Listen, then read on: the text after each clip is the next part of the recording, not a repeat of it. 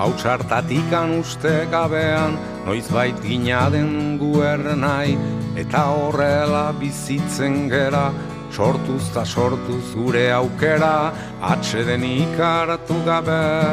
Atxeden ikaratu gabe Lana egina zoa zaurrera kate horretan denok batera gogor kiloturi gaude Gogor kiloturi gaude Izonak badu ingurulatz bat menperatzeko premia Urruka hortan bizida eta hori du beregia. Ekin ta ekin bilatzen ditu saiatze hortan Ezin gelditu jakintza eta argia Eta argia ilunak nekez aurkitu Lege berriak noiz baiter ¿Qué tal estáis? Bienvenidos a la Casa de la Palabra. En esta edición vamos a rescatar alguna entrevista del archivo y también va a haber una entrevista que es totalmente nueva.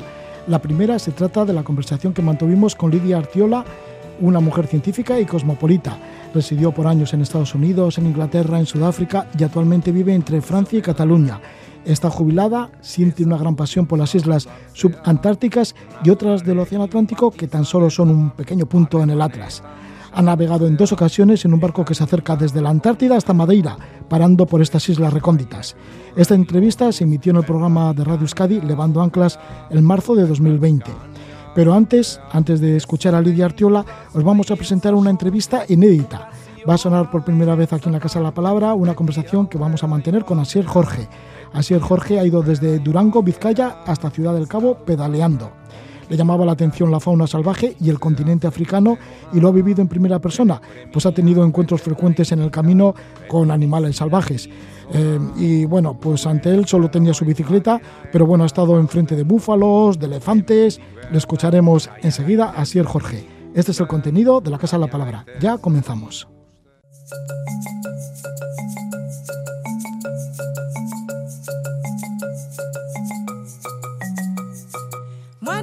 nalipa sukulu, iwa nao masoa yalipe papo. Wakuti hapa jipoke pongombe, wakuana ana ya ifantazi lake, icho wakuona iwo niko. Mitima yao yasulana kwa nanga, wakumba wanange ndazila mwana, waboka pongombe, mwana wachalimu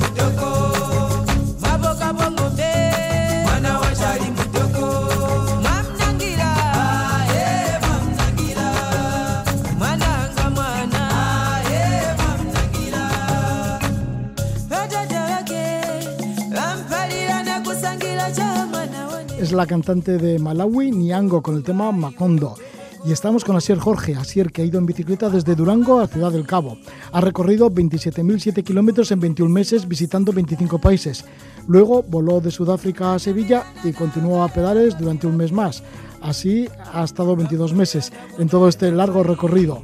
Partió en agosto de 2017, pasó con lluvia al puerto de montaña de Urquiola, dirección hacia Francia, llegó a Turquía, estuvo en la frontera con Siria, voló a Israel, Palestina, Jordania para pasar al continente africano por Egipto y de ahí, bueno, pues todo el África Oriental hasta llegar a Ciudad del Cabo.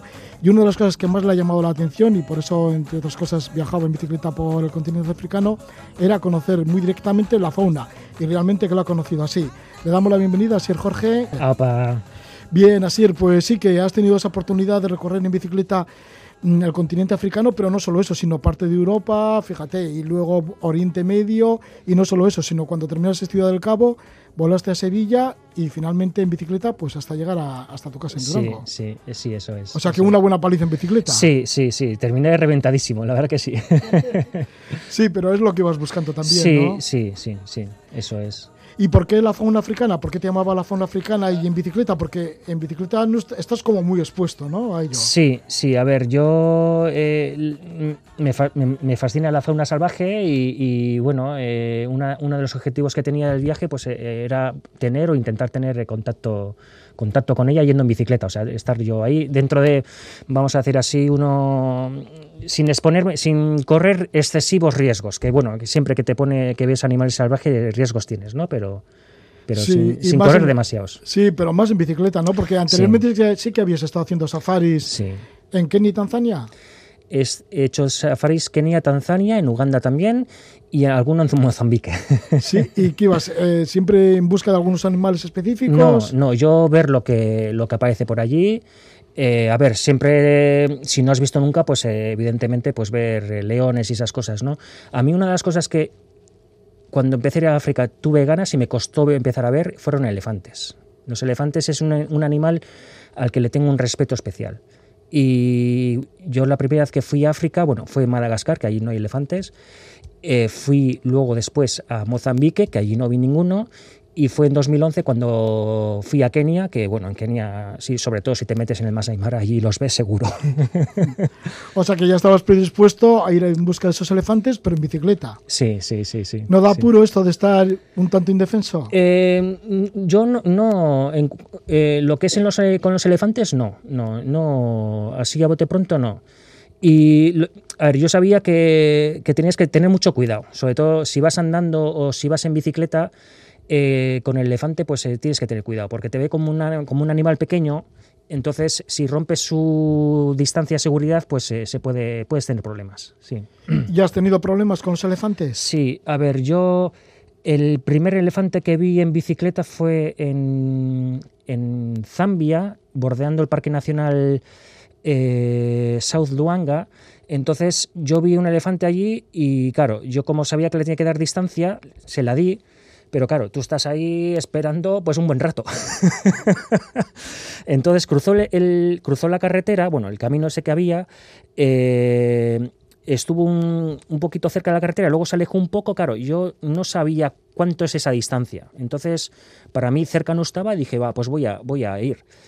Eh, cuando reanudé la marcha y me acerqué un poco, vi que no era un elefante, eran tres. Eh, y justo cuando más cerca estaba de ellos, se me quedaron los tres mirando, te digo que hasta con cara de sorpresa. Y se me quedaron así mirando y se, empezaron a correr a, lo que es el bosque. Y ahí fui más consciente de- del peligro. si ya lo era, ahí fui incluso más, más consciente del peligro de ellos. Luego también en Botswana hay la carretera que va desde Pandamatenga a Nata, que son 200 kilómetros, esa la llaman la Elephant Highway. Ahí, bueno, ahí no sé si vi 20 o 30 elefantes. Y claro, allí cuando el elefante estaba cerca de la carretera y venía un coche, el coche me hacía de pantalla de, de protección de- de- con el elefante. Entonces, esos coches que hubo varios me, me- me ayudaban a, me ayudaban a pasar y pasabas nada, a pocos metros de ellos. Sí, pero tendrías que acelerar mucho en la bicicleta, ¿no? No, no, tú vas tranquilamente. El, el- el coche so- eh, solamente te va eh, protegiendo, o sea, se interpone entre, entre tú y el, el elefante y lo que das tú, pues vas a 15 por hora o, pues, o 20 o lo que sea. Y no, no hace falta que, que te esmeres, porque ese, ese coche, a los coches en general lo ve como un animal grande y no, no tiende a enfadarse con ellos. En alguna ocasión, si te encontrases con algún elefante que te hizo el amago de, enfadarte, de enfadarse contigo. Se enfadó, se enfadó conmigo. Ah, se enfadó contigo. Sí, sí. eh, pues iba por la carretera, eh, me estaba acercando al Parque Nacional Chove y es una zona muy, muy boscosa, entonces hubo una zona que se abría un claro y justo en ese claro pues me encontré un elefante y terminé de parar la bicicleta pues mm, no sé, a 5 o 8 metros, más, más ya te digo que yo que no. Y, y claro, los elefantes una cosa buena que tienen es que te avisan. No es como otros animales que te, pueden eh, atacar del, del tirón. El elefante te avisa, te, te abate las orejas, esa es la señal que tienen para, para avisarte de que algo va mal. Entonces, eh, ese es un tiempo que tienes que es muy, muy, muy interesante para, pues, entre comillas, para prepararte, ¿no? Así que él, además de avisarte, te deja como un tiempo, o sea, te mueve las orejas Sí, y te da sí. tiempo para, sí, para, prepararte. para Entonces, prepararte. claro, eh, me, me- para prepararte a su ataque. Sí, eso es. ¿Y Eh, entonces qué piensas? ¿Qué haces? ¿Te pondrás pues, muy claro, nervioso? yo, yo no- o, o la intención es coger la bicicleta y dar no, pedales. yo fue todo inconsciente. No, yo me bajé, me quedé ah, sorprendido entre la sorpresa y luego que era enorme y es que era precioso. Me quedé, pues no sé, unas décimas de segundo así un poco eh, hipnotizado y, y me dije, así ahora aquí tonterías las justas. y me bajé la bicicleta y me fui andando en sentido contrario, pero siempre mirándole, por si acaso se eh, terminaba de arrancar. Y, saqué un poco de distancia, o sea, le, gané un poco de distancia y al de un ratito empezó a seguirme un poco y en ese momento vinieron dos coches, que yo iba por una carretera, vinieron dos coches, cada uno en sentido contrario, y se interpusieron entre mí y el elefante. Entonces el, coche que estaba más cerca del elefante empezó a acelerar en punto muerto, eso es un, pues eso, a sacar ruido, y el elefante cogió y se metió, se metió al bosque. Ya, por suerte tuviste que aparecieron esos dos coches, pero Sí. si no aparecen, ¿qué sucede? Uf, si no aparece, pues eh, si te ataca, pues es eh, hacerle un quiebro de cintura. y Tienes que tener mucha cintura, ¿no? Sí, es eh, Muy hacerle- ágil. un- a ver, es fácil decirlo. Eh, hacerle un quiebro de cintura y pues eh, ir ganando tiempo y salir de allí, pues no sé si se puede de alguna manera, o sea, salir de allí. ¿Por qué se enfadaba este elefante? Igual porque tú estabas porque rompes, porque en su camino. rompes, porque rompes su distancia de seguridad. Ellos, pues eh, tienes que mantener una distancia con ellos. Entonces, si la rompes, pues eh, se enfadan. Así os dices que el elefante te avisa, mueve las orejas y ya sabes, bueno, aquí hay problema, está enfadado y, y él te da, pues, hay un- unos momentos para que reacciones. Sí. Pero hay otros animales que no. Sí, Puede ser sí. el caso del búfalo. El búfalo no, no te avisa. yo eh, he llegado a. Yo he visto en bicicleta cuatro búfalos. Vi uno que estaba un poquito lejos y luego en Cazungula, que es el pueblo precisamente que está al lado de Chove. eh, bueno, es que es un parque nacional Chove y luego hay otros varios, no me acordaré los nombres. Y aquello es una zona que está plagado de Sí, fauna en, salvaje. en Botswana. Sí. Y en el mismo, es que dentro del pueblo eh, iba por la por una zona sin asfaltar y dentro del mismo pueblo y de repente eh, vi tres búfalos, pero tres búfalos que los vi a nada, dos, tres metros. ¿Los ves? Y, y es que se te salen los ojos.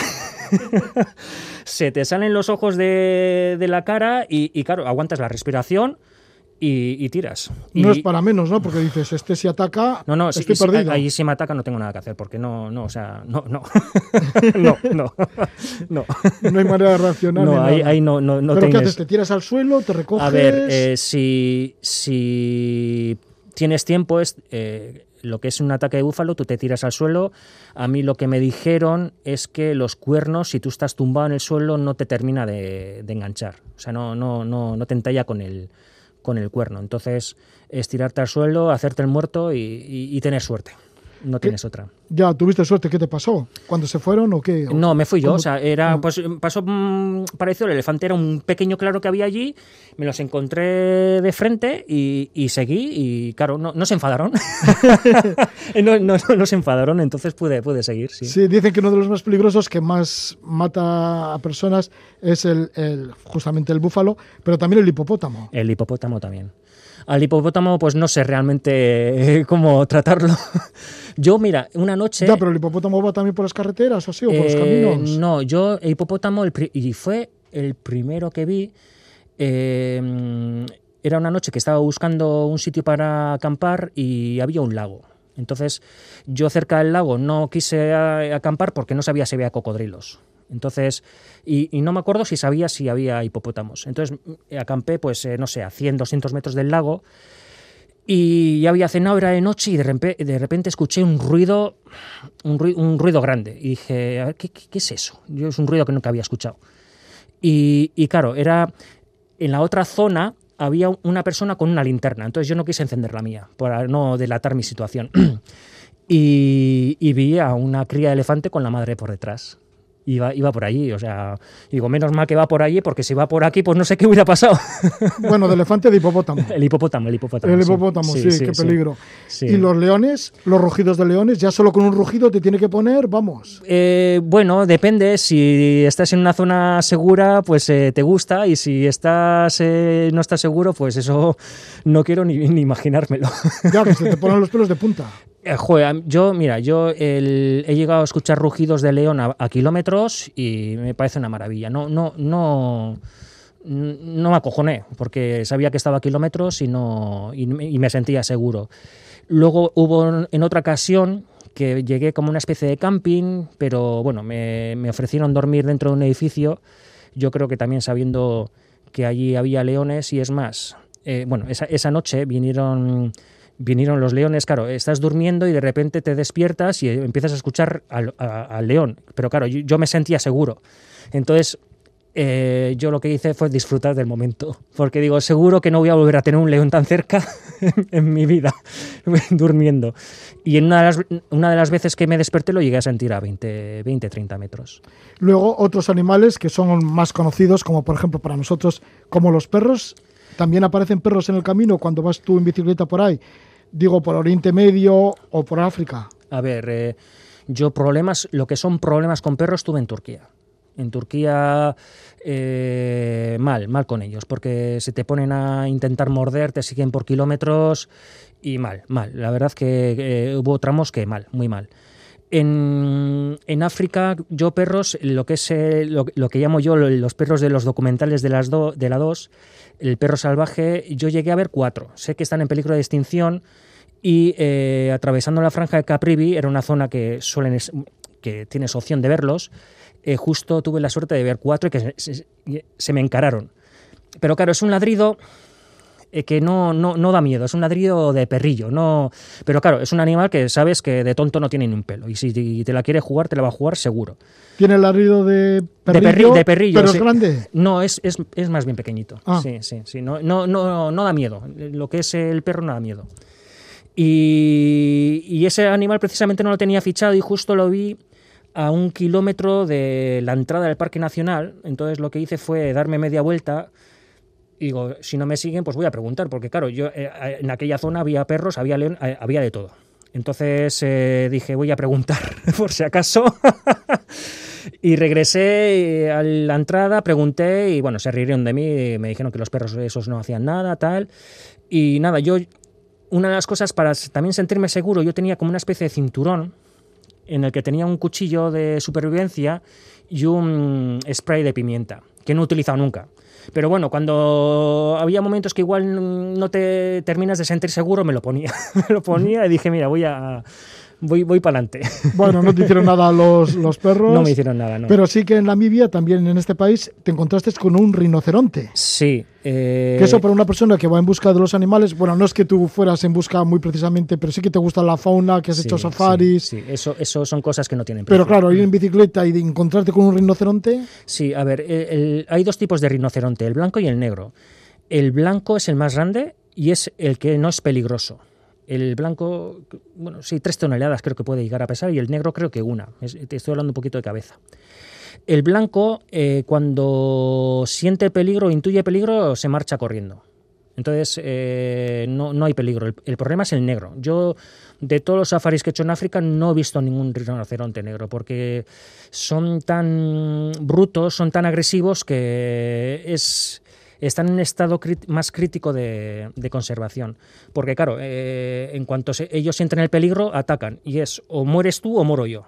Entonces, eso, eso hace que el animal también esté más, en más eh, eh, peligro de conservación. Eso fue por lo menos lo que me, lo que me, lo que me comentaron. Y este, este rinoceronte era un rinoceronte blanco. Bueno, yo iba en Namibia en una carretera sin asfaltar y claro, empecé a ver huellas. Eran unas huellas que no había visto nunca y no eran huellas de elefante. Eh, eran huellas grandes y no eran de elefante. Y dije, esto tampoco es un hipopótamo porque en una zona así bastante desértica, no había, que yo, sé- eh, que yo supiera, no había lagos o ríos. Entonces no quise tampoco pensar en el rinoceronte, pero digo, esto aquí esto, esto no conozco. Y, y estuve pues detrás de las huellas, en, pues no sé, dos, tres kilómetros o así, y de repente me encontré a un par de hombres armados que eran rangers y me dijeron, ¿quieres ver un rinoceronte? Y dije, claro. Y me dijo, mira, mira para atrás. Miré para atrás y bueno, había pasado por allí pues eh, un ratito antes, o sea, había pasado pocos, bueno, sí, pocos metros del rinoceronte. Y es que ni lo vi, ni lo escuché, ni nada. O sea, bueno, tuviste suerte con el Sí, rinoceronte, también con los sí. elefantes, con los Sí, leones, sí, con los sí, perros, Sí. pero no demasiada suerte con, los, con las personas, que también somos animales. Sí. Pero, por ejemplo, en el caso de Mozambique sí que tuviste problemas. Sí, eh, a ver. Ahí te tomaron por terrorista sí, islámico. Sí, bueno, a ver. ¿Qué ibas con esas barbas que tienes? Sí, sí, sí, con turbante. Lo único que ahí me recomendaron que no lo llevara. Justo, a ver, eh, bueno, yo. O, o sea, que eras de lo más sospechoso. Pues sí, sobre todo cuando no saben cuándo, por dónde les pega el viento. El, cuando atraviesas África vas a cruzar zonas en rojo seguro. El tema es que esas zonas en rojo o zonas peligrosas o zonas en conflicto estén tranquilas. Yo, pues evidentemente, las eh, si había una zona en rojo que estaba activa, pues no, no iba por allí, evidentemente. Y es más, hubo alguna zona que tuve que cancelar. Eh, pero todas las demás tuve muchísima suerte y estaban tranquilas y, pasas, pues y no pasa nada. Entonces yo Mozambique yo sabía esa zona que era roja. Entonces yo me puse a buscar información y no, no, no encontré. Y como no encontraba información, supuse que era tranquila. Crucé la frontera y no, bueno, eh, tuve ahí cositas con la corrupción policial y tal, pero bueno, llegué, eh, pasé algún control de policía también por el camino y llegué al primer pueblo donde hice la noche y allí vivía una pareja sudafricanos que fueron los que me pusieron al día de cómo estaba la situación y aquello es que estaba al rojo vivo. Es más, me dijeron que 15 días antes había habido un asalto a la aldea al lado y me están hablando de decenas de muertos y, bueno, cosas muy, muy fuertes. Y, bueno, pues yo. y esos fueron los que me recomendaron que no, que no llevara el turbante. y que te cortara la, la barba. No, bueno, las barbas eh, se, quedaron, se quedaron conmigo. Y. Y nada, seguí en marcha y, cuando, porque los primeros 50, 70 kilómetros era carretera sin asfaltar, una carretera muy, malísima. Luego llegué a Palma y ahí empezaba la carretera asfaltada y hice pocos kilómetros y me pararon unos militares en moto y me llevaron a, a las afueras de un pueblo. Y bueno, pues eh, eh, mal, mal, porque claro, eh, encima ellos hablan en portugués y les entiendes se ponen a hablar entre ellos y te das cuenta que no tienen ni idea de por dónde se está pegando el viento. Y, como yo era una persona rara eh, y no sabían por dónde estaba pegando el viento, pues automáticamente eres un sospechoso. Y pues me hicieron un, interrogatorio muy duro, eh, con malas maneras, buscando continuamente contradicciones. Eh, incluso alguna amenaza de que me, me iban a hostiar, porque yo les dije, a ver, yo he pasado tres controles, en, la frontera no me dijeron nada, he pasado tres controles hasta tal pueblo y nadie me ha dicho nada, y de repente me encuentro esto, y digo, ¿qué, qué, qué, qué hago? ¿Y qué has pasado controles? Digo, sí, ¿qué pasó esos controles? Espérate que lo voy a comprobar ahora mismo. Digo, como me mintas,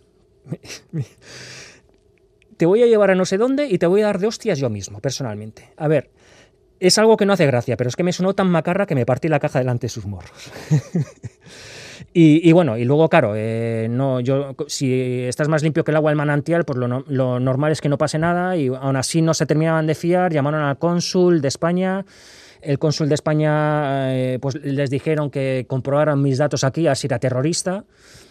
Y el cónsul llamó al embajador, el embajador pues comprobó lo que tenía que comprobar y pues como pues no tengo nada, pues eh, me, llevaron a un campamento militar, allí estuve un rato y me dijeron, mira, te vamos a llevar a Mocimbo de la Praia, a la, a la capital, a la capital de esa zona. Y me llevaron una tanqueta, dentro de una tanqueta. Y me dijeron, te vamos a dejar en la, en la mm, estación de policía, allí ya saben que lo que hemos hecho contigo y tal, y es para que des tus datos y, ya está, y te lleven a dormir a algún sitio y tal.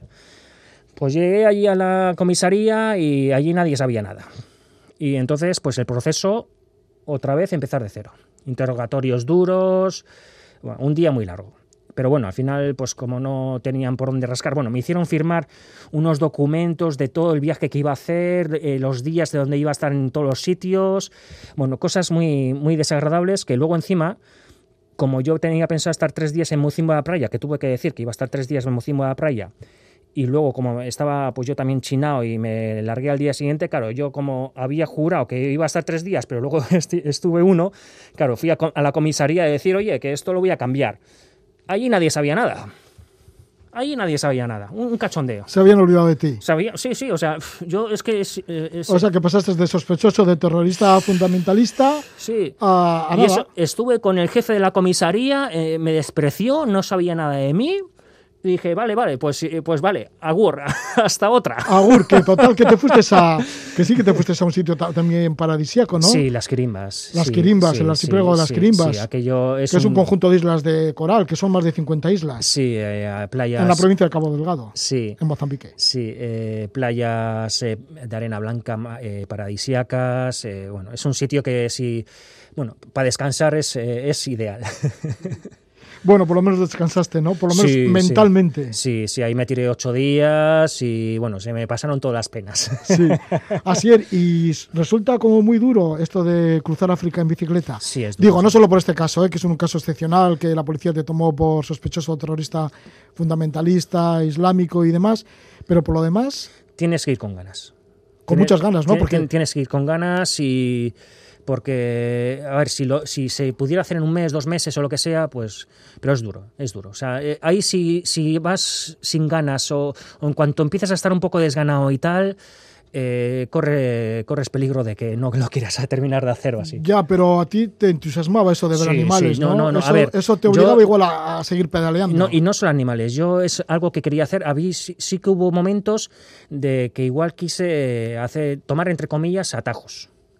Y yo, eh, es más, yo cogí caminos para hacerlo más largo. Al final terminé cogiendo caminos para hacer todavía el, cami- el camino más largo. Y, y es más, hice un par de.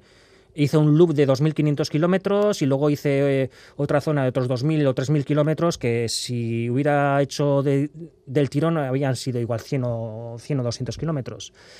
Pero claro, yo ahí quería visitar parques nacionales o quería ir a zonas que me parecían interesantes, entonces yo mm, iba, iba di- diseñaba el tramo pues eh, buscando las zonas un poco que yo quería visitar.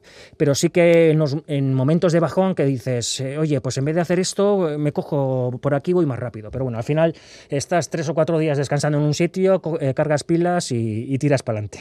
Bueno, pues has recorrido toda, toda una parte buena de Europa, no diremos toda, pero sí una buena parte de, Europa, hasta llegar a Turquía, luego estuviste con la frontera con Siria, tomaste un avión a Israel, estuviste por Palestina, por Jordania, pasaste Egipto, Sudán y demás, Sí. hasta llegar a Ciudad del Cabo. Sí. Y una vez en Ciudad del Cabo, tomaste un avión a Sevilla y ya de regreso, de nuevo en bicicleta, hasta Durango. Sí, sí, sí.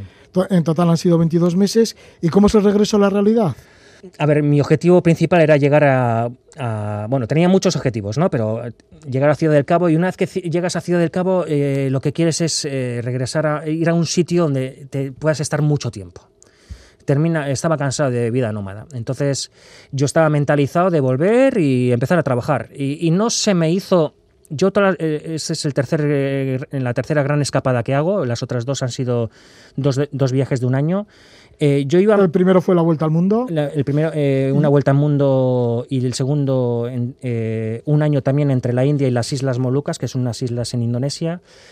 Y yo iba, venía mentalizado de volver y empezar a trabajar y no, no se me hizo especialmente duro. Lo único que esta vez eh, sí que me tomé, regresé a Durango y me tiré 15 días pues para aterrizar bien y luego empezar a currar. Que tuve suerte que me, que me cogieran otra vez. Sí, y te llamaría la atención todo, ¿no? Que, que el agua estaría más cerca, que la Sí, comida también, porque sí. seguramente que en bicicleta por el continente Sí, eso- africano habría kilómetros y kilómetros que no verías a nadie. Sí, eh, eso es una de las o que cosas. no te podías abastecer demasiado. Sí, eso es una de las cosas. Cuando regresé a Sevilla, eh, entre que la comida pues este es más familiar y luego que puedes, entre comillas, tienes acceso a agua a cualquier sitio, eh, eso dices, eh, es que no sabemos lo que tenemos. Yo en África he visto, yo no te podría decir los, los- la de grifos que he visto, eso sí, que, que, que echaran agua, no te puedo decir de muchos.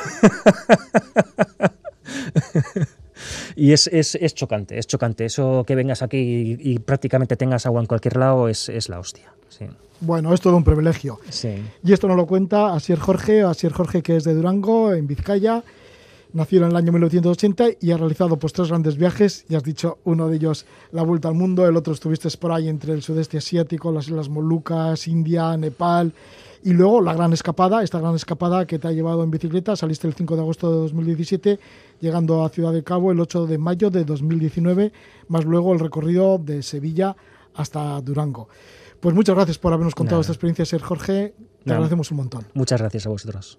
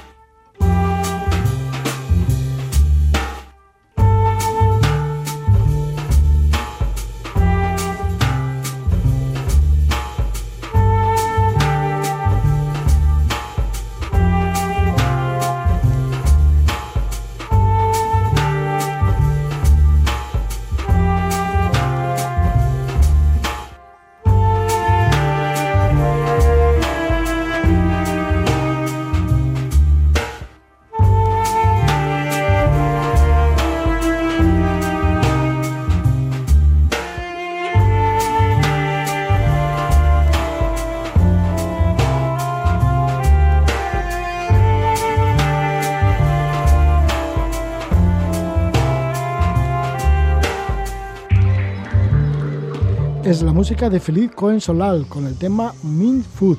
Vamos a ir hacia islas bastante inéditas de nuestro planeta. Si en este programa en Levando Anclas llevamos tantos años recorriendo el mundo, pues nos vamos a acercar a puntos que casi no los hemos tocado, yo creo que, bueno, eh, poquísimas veces, o igual algunas de las islas que vamos a hablar, ninguna vez. Y es que tenemos con nosotros a una gran viajera como es Lidia Artiola. Lidia nació en Barcelona en el año 1949, quería ser desde muy jovencita científica y así lo fue. Estudió en Estados Unidos, vivió en ciudades como Nueva York, Nueva Jersey, Vermont, Arizona.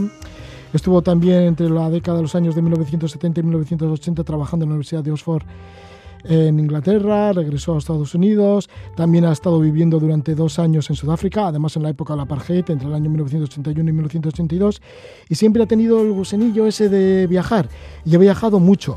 Y un momento revelador fue cuando en el año 2006 fue a la Antártida. Allí descubrió el sur de nuestro planeta, aquellas latitudes tan bajas, y desde entonces hasta ahora pues se siente atrapada por los hielos y por esos lugares tan inéditos de nuestro planeta. Y es así que en dos ocasiones hizo ese viaje en, barco que le llevó desde Ushuaia, en la parte más austral del continente americano, hasta Holanda, pasando por islas subantárticas y también por islas del Atlántico Sur. Nos va a nombrar algunas de ellas que ya digo que igual por primera vez van a sonar en este programa Levando Anclas, que ya llevamos 36 años de recorrido, pero bueno, que a veces no llegamos a puntos tan inéditos de nuestro planeta. Ahí nos va a llevar Lidia Artiola. Le damos la bienvenida. Lidia, muy buenas noches. Buenas noches. Lidia, pues sí, que has tenido ese gusanillo, ¿no? Del viaje y lo tienes todavía. Sí, sí. que últimamente has venido de la, isla, de la isla de Socotra, que se encuentra en Yemen. Sí, eh, regresamos hace una semana. Sí. Por ello, ¿y cómo fue esa revelación de la Antártida? De encontrarte con un continente como bastante virgen. Bueno, la Antártida mm, evidentemente fue, más o menos lo que esperaba y, mejor, pero la gran sorpresa fueron las islas subantárticas, del, del área subantártica, o sea, me refiero a islas que se encuentran entre latitudes 40 mm, y 60 eh, sur, que son islas chiquitas en general, que tienen una, una vida geológica muy interesante y, y una fauna que es de morirse. Algunas de estas islas, sobre todo las del Pacífico, pertenecen a Nueva Zelanda y Australia, y otras en la parte africana pertenecen a Francia. Exactamente. Uh, las, las, neozelandesas, hay varios grupos, pero las más conocidas son las Snares, las Auckland, uh, las Campbell, la más importante australiana es Macquarie y las francesas son José y las Kerguelen y Nueva Amsterdam y Saint, Paul. Ah, también Sudáfrica tiene una isla que me parece que se llama Rey, uh, Príncipe, Príncipe algo, no me acuerdo ahora. Y estas islas tienen como característica uh, en común que uh, son habitadas por numerosos, numerosas uh, especies de pingüinos y de focas y elefantes de mar. ¿Cómo fue ese primer contacto con las islas subantárticas en tu caso?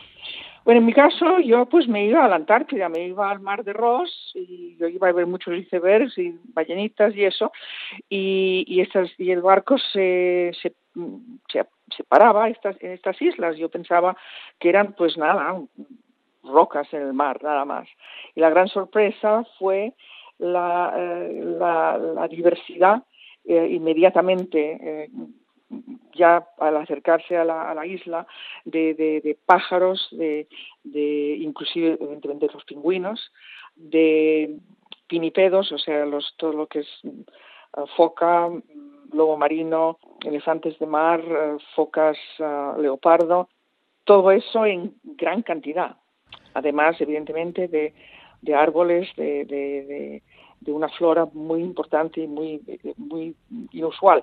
En la isla Campbell, por ejemplo, hay gigantismo y hay flores que normalmente, como especies de, violetas que se ven normalmente en nuestros países, que son chiquitinas, allí adquieren unas dimensiones enormes o sea, fue, fue una sorpresa detrás de otra.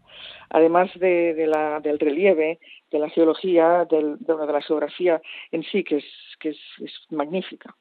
Algunas de estas islas tendrán su historia, porque cuando se mm, cazaba a la ballena, pues algunas de ellas serían explotadas por balleneros y también por foqueros. Exactamente, la mayoría de estas islas, ah, por lo visto, fueron explotadas pues por los balleneros y foqueros en los siglos XIX y principios del siglo XX.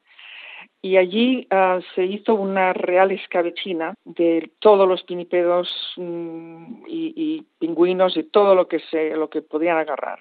En la isla de Macquarie, por ejemplo, sobreviven todavía las grandes calderas que habían construido los, los balleneros, donde hervían los animales y fundían la grasa para utilizarla luego como uh, aceite para pues para para, para alumbrado verdad de casas de personas. En algunos casos incluso echaban los animales en vida dentro de las calderas. Uh, y estas calderas todavía ya, ya digo se pueden ver en algunas de estas islas. Y se ven incluso en el caso de Macquarie, si mal no recuerdo, se puede incluso ver si miras por uh, Google Earth puedes ver en una de las playas todavía dos enormes calderas que sobreviven allí todas mm, mm, oxidadas, evidentemente. ¿Esto que era a principios del siglo XX, antes de la época del petróleo? Exacto, exacto. Hasta los años 20, 30, eso duró. Y más tiempo todavía, en algunos casos. Ahora estas islas están despobladas, estas que has nombrado, que explotaban la ballena y las focas. Ninguna de estas islas tiene habitantes permanentes. Eh, en algunas de estas islas, como por ejemplo Macquarie, la isla, la isla australiana, hay científicos que se ocupan de varios tipos de estudios, estudios de pingüinos, de, los, mamíferos y también hay estaciones, uh, meteorológicas. Uh, pero aparte de esto, estas personas viven allí unos meses cada año o, o, o, o, se toman turnos, no están allí permanentemente, pero es que yo sepa, no hay ninguna de estas islas está habitada permanentemente. Lo estuvo, pero hoy día no. Tienen que tener una gran vida animal. Las colonias de pingüinos se habrán multiplicado y supongo que también se han recuperado la de los lobos de mar, la de las focas, la de las ballenas. Incluso creo que has visto orcas. Sí, las orcas son muy, muy, están muy presentes en estas áreas. Uh, y en algunas de las islas, uh, yo no he estado en las francesas, pero en, algunos, en algunas de las islas francesas incluso hay uh, orcas que se especializan en la caza de um, focas y elefantes marinos bebés, directamente se lanzan a la playa. Hay grupos de, de orcas que se especializan en este tipo de caza. De caza. Lidia, pues has viajado ya dos veces en un barco, en un barco antiguo de la Marina holandesa, pero bueno, que ahora hace otra línea, la, línea de esta que estamos hablando, un poco por las islas subantárticas y también del Atlántico Sur. Has hecho dos viajes que te han llevado desde Ushuaia hacia la Antártida y luego subiendo a la isla de Georgia del Sur para llegar a islas del Atlántico como Tristán de Acuña, finalmente terminando en, en Holanda. ¿Cómo has conseguido hacer esta, este tipo de, de viaje en barco?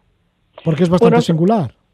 Sí, bueno, son viajes que, que organiza una compañía holandesa eh, y que generalmente atraen a, a, personas ornitólogos, personas que se interesan por los pájaros, los famosos birders de los anglófonos. Eh, son, son viajes que aprovechan el, el, el regreso de, del periodo de turismo del verano austral al polo o las áreas del norte y normalmente estos viajes se hacen con el barco vacío, pero de vez en cuando algunas, algunos de esos barcos aceptan pasajeros para subir hasta, hasta para atravesar el Atlántico hasta hasta Holanda o hasta incluso hasta más más arriba, pero normalmente a los pasajeros los, los dejan en Madeira. En Madeira, sí. sí y luego ellos continúan hasta Holanda. Pero bueno, en Madeira, que pertenece a Portugal, bastante, bastante es el, el, viaje, ¿no? Demasiado largo, bueno, y demasiado bonito, ¿no? Porque, ¿cómo es esto de llegar para empezar a Georgia del Sur desde Ushuaia?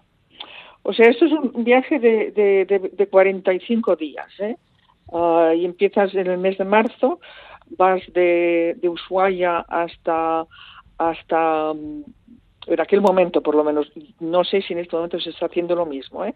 pero en aquel momento, cuando yo lo hice en el 2011, bajas a la península antártica y luego subes hacia la Georgia del Sur, si se puede mm, desembarcar, se desembarca en varios sitios y luego se continúa el viaje hacia el norte siguiendo uh, lo que es la dorsal mesoatlántica, o sea, es la, costura, digamos, entre la placa tectónica africana y la americana. Y allí se sigue eh, por este por este rumbo, ¿verdad? Siguiendo este rumbo y, y, y, encuentras las islas que se han formado, que son todas de origen volcánico, que se han formado con los hotspots mm, volcánicos mm, que se han creado a lo largo de los siglos. En el caso de Georgia del Sur, ¿tuviste la oportunidad de desembarcar allí, de pisar la isla? Sí, eh, Georgia del Sur no es volcánica, Georgia del Sur, de hecho, es una continuación del, uh, de los Andes. ¿verdad? Los Andes, cuando, cuando sigues la cordillera andina, uh, uh, que, que, da una vuelta, digamos, mirando el mapa mm, hacia la derecha, según bajas por Chile, eh, los, los Andes se hunden en el océano, ¿verdad? A nivel de, digamos, de Ushuaia, etcétera. Y entonces reemergen unos 100 kilómetros, reemergen a, miles de kilómetros, pero unos 100 kilómetros de, los, de, los, de, de, la cordillera de los Andes reemerge en medio del Atlántico, ¿verdad? En una, esta islita que se llama, que hace forma decreciente, que se llama Georgia del Sur y que tiene unos, unos 100 kilómetros de, de largada y como 35 de anchura y allí sí uh, hay una riqueza uh, increíble de, de, de, de, fauna. En de Acuña porque Tristán de Acuña sí que es volcánica. Absolutamente. Y además está poblada, tiene población. Exactamente. Eh, Tristán de Acuña está poblada por entre 250 y 300 personas. Son de, mayor, de en su mayoría de origen británico, pero hay, hay también de origen italiano y de origen africano. Y estas, esta, esta población, que es bastante endogámica, ¿verdad? Sobrevive o vive desde hace casi dos siglos en esta isla y, allí sobreviven, allí se han, se han, han estudiado cómo sobrevivir y cómo, de hecho, florecer sin abusar del, de lo que la tierra les, ofrece. Y ellos pues cultivan la patata, tienen tienen animales, saben cuántos animales la isla puede sostener, saben cuántas personas la isla, la isla, puede sostener, tienen casas normales y corrientes que recuerdan mucho a las casas que se ven en África del Sur, porque de hecho son, son casas prefabricadas en África del Sur, las compran de allí me parece. Y tienen un par de religiones, tienen un cementerio como todo el mundo y cuando desembarcas allí Mm, hoy es un inglés mm, un poco extraño, pero es, es inglés. Uh, y estas personas son ciudadanos, ciudadanas del, del, del Imperio Británico, de, de, de, Gran Bretaña. ¿Y cómo se llega a Tristán de Acuña? Porque es que no tiene ni muelle. No tiene ni muelle. Se llega solamente en barco. Uh, y, ¿Y cómo desembarcas allí? Sí, bueno, tendrás que ir en una Zodiac, en alguna lancha o así. Exacto, tienes que ir en Zodiac y luego buena suerte, porque si, si, si lo haces demasiado, pues no puedes, no puedes, uh, no puedes um, desembarcar por nada del mundo. Um, y hay tienen un sistema de, de bueno, te, te, lanzan una cuerda y subes. Está, está bien montado, pero tiene su, su, su pequeño riesgo, ¿verdad? Sí, porque Tristán de Acuña son cuatro islas, dos de ellas son reservas naturales no habitadas, y fíjate las aves que tienen que habitar allí y los animales que tienen que habitar en estas dos que, que no tienen ni población. Exacto, tienen, tienen pájaros que no existen en ningún otro lugar del mundo y que los pajareros, estas personas que están tan enamorados de, de los pájaros, van a ver especialmente. Hay personas que en el barco había personas que habían hecho el viaje nada más que para ver un pájaro que existe solamente en una de, las, de estas islas. Los habitantes de Tristán de Acuña quieren tanto a sus islas que en cierta ocasión tuvieron que salir de la isla, bueno, les llevaron a, a Gran Bretaña, ya que había habido una erupción, no podían estar allí, y una vez que estaban en Gran Bretaña, cuando ya todo se calmó, decidieron volver de nuevo a sus islas. Y están allí, aislados del mundo totalmente. Exacto, de hecho, de hecho, de hecho, la erupción no había acabado todavía y habían estado en, en Gran Bretaña en una especie de campamento de, de, de campo de, refugiados, ¿verdad? Durante bastantes meses, un año y pico. Y, y a, a pesar de que la erupción no había terminado, dijeron, nosotros vamos a casa otra vez. Se regresó todo el mundo menos un par o tres de personas, por lo visto, que se quedaron en Gran Bretaña. Les dieron la opción de quedarse, pero la mayoría regresó a su casa. ¿Y cómo se acogieron en Tristán de Acuña cuando bajaste allí en la isla, Lidia? Muy bien, muy bien. Uh, un trato fenomenal. Eh, tuvimos la, la, suerte o mala suerte de, de, encontrarnos en una situación muy fea y es que un barco griego había chocado uh, en aquellos días con, había chocado contra una de las islas, uh, contra Nightingale, y había una emergencia con los pingüinos de penacho amarillo que se encuentran, hay una subespecie de pingüinos de penacho amarillo que se encuentra en, la, estas islas y estaban todos, bueno, todos no, pero una, proporción enorme de estos pingüinos manchados, estaban llenos de, petróleo, de petróleo bruto. Y pudimos ayudar un poco a limpiarlos y bueno, nos acogieron muy bien, tienen un pub que se parece a todos los pubs de Gran Bretaña, no te lo pierdas, parece que estés en un pueblo cualquiera de, de un pueblo de, de, del sur de Inglaterra, increíble. Nos llevaron a ver los campos de patatas que están en otro lado de la isla porque no toda la isla es uh, apropiada para cultivar cosas. Nos invitaron a su casa, nos explicaron cómo vivían, genial, muy, muy, ningún problema. Uh, tienen incluso una tiendecita donde venden um, sellos ellos producen unos sellos que son muy apreciados por los por las personas de los, los afiliados a la, a la filatelia. Uh, fue un viaje fenomenal.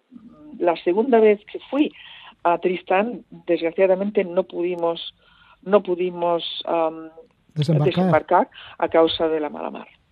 Ya, qué pena, porque es que además en estos barcos los pasajeros seguramente que la mayoría serán ornitólogos para ver aves que no se ven en otra parte del mundo y también parece que hay personas que se dedican a pisar islas que son como bastante difíciles de llegar.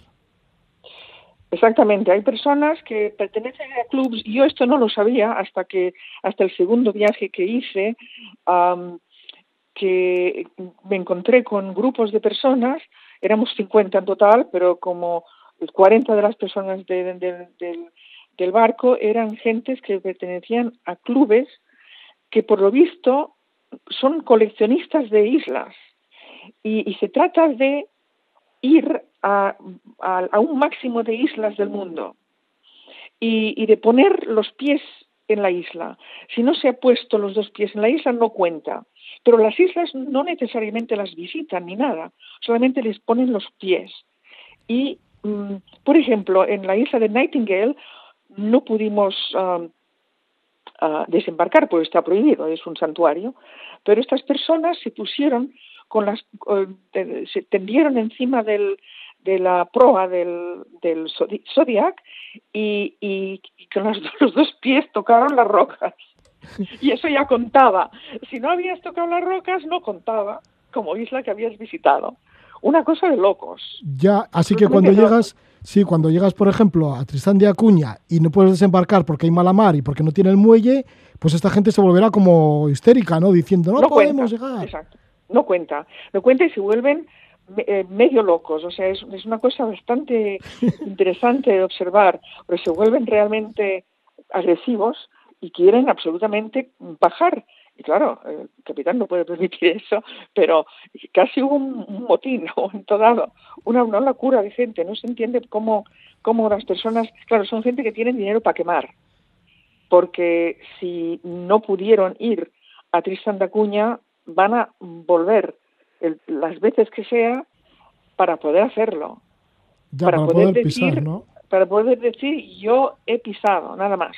he pisado, un instante, exacto. he pisado Tristán de Acuña. Pues si te parece, Lidia, dejamos aquí este recorrido que estamos haciendo gracias a ti por islas bastante inéditas de nuestro planeta, esas islas que quedan subantárticas cerca de la Antártida y también islas del Atlántico Sur en las que has navegado en un barco holandés que te llevaron desde Ushuaia al norte del continente americano pues hasta la isla de Madeira, ya en Portugal. Nos hemos quedado en Tristán de Acuña, pero todavía podíamos hablar de Santa Elena, que fue el siguiente paso, o la isla Ascensión, para luego llegar a Cabo Verde, ya mucho más conocida, y Madeira. Y además luego nos queda otro segundo viaje que también lo repetiste, pero también estuviste en otras islas un tanto inéditas como las Islas Sandwich o la isla de Bubet. Pero de esto, si te parece, hablamos en otro programa. Perfecto. Muchas gracias, Jorge. Absolutamente. Pues muchísimas gracias por estar con nosotros, Lidia Artiola, desde Barcelona. Un fuerte abrazo, Lidia. Muchas gracias. Lidia Artiola, llevándonos a esos pequeños puntos del Atlas a esas islas subantárticas y algunas otras del Océano Atlántico. Y ahora escuchamos al pianista de Menorca, Marco Mezquida, con el tema Trenzas de su álbum Talismán. Que disfruten muchísimo, que vaya todo bien.